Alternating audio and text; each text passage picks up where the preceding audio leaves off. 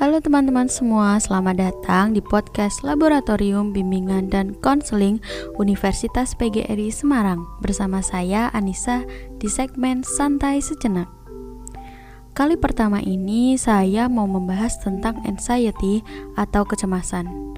Kalian pasti pernah merasa cemas. Wajar hal itu terjadi. Namun, jika hal itu sudah mengganggu aktivitas sehari-hari, perlu untuk digali lebih dalam. Kalian pasti bertanya-tanya, apa itu cemas? Bagaimana rasanya?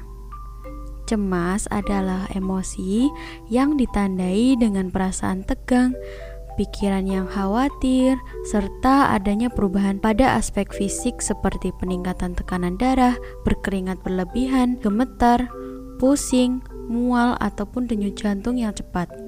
Adapun data bahwa prevalensi kecemasan di tahun 2018 sebesar 6% untuk usia 15 tahun ke atas atau sekitar 14 juta. Saya yakin bahwa prevalensi kecemasan tersebut meningkat di masa pandemi. Menurut survei internasional di 2021, terdapat rata-rata satu dari lima anak muda usia 15 hingga 24 tahun menyatakan pernah merasa depresi atau rendah minatnya dalam beraktivitas. Sungguh luar biasa teman-teman kita yang sedang survive dengan kecemasan. Berdasarkan fakta tadi, saya mau menyampaikan mengenai bagaimana kita bisa survive dari kecemasan di masa pasca pandemi, khususnya bagi para mahasiswa. Pertama, luangkan waktu untuk diri kalian sendiri. Kalian bisa bersantai terlebih dahulu, mendengarkan musik, meditasi, dan latihan yoga. Yang kedua, makan makanan yang seimbang. Ternyata makanan seimbang juga berpengaruh untuk kondisi kita. Isi tenaga kalian untuk menjalani hidup. Ketiga, batasi minuman beralkohol dan kafein. Kedua hal itu dapat memperburuk kecemasan dan juga dapat memicu munculnya panic attack. Keempat, tidur yang cukup. Ketika stres dan merasa sangat lelah, maka tidurlah. Yang kelima, olahraga agar kamu senantiasa sehat dan juga merasa lebih baik. Keenam, bergurau. Tertawa dapat mengurangi kecemasan.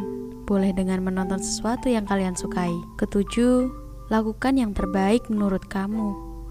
Daripada memaksakan untuk perfect, lebih baik banggalah dengan apa yang telah kamu dapat. Kedelapan, mempelajari pemicu dari kecemasan itu sendiri. Tuliskan apa pun yang teman-teman rasakan ketika merasa stres dan cemas.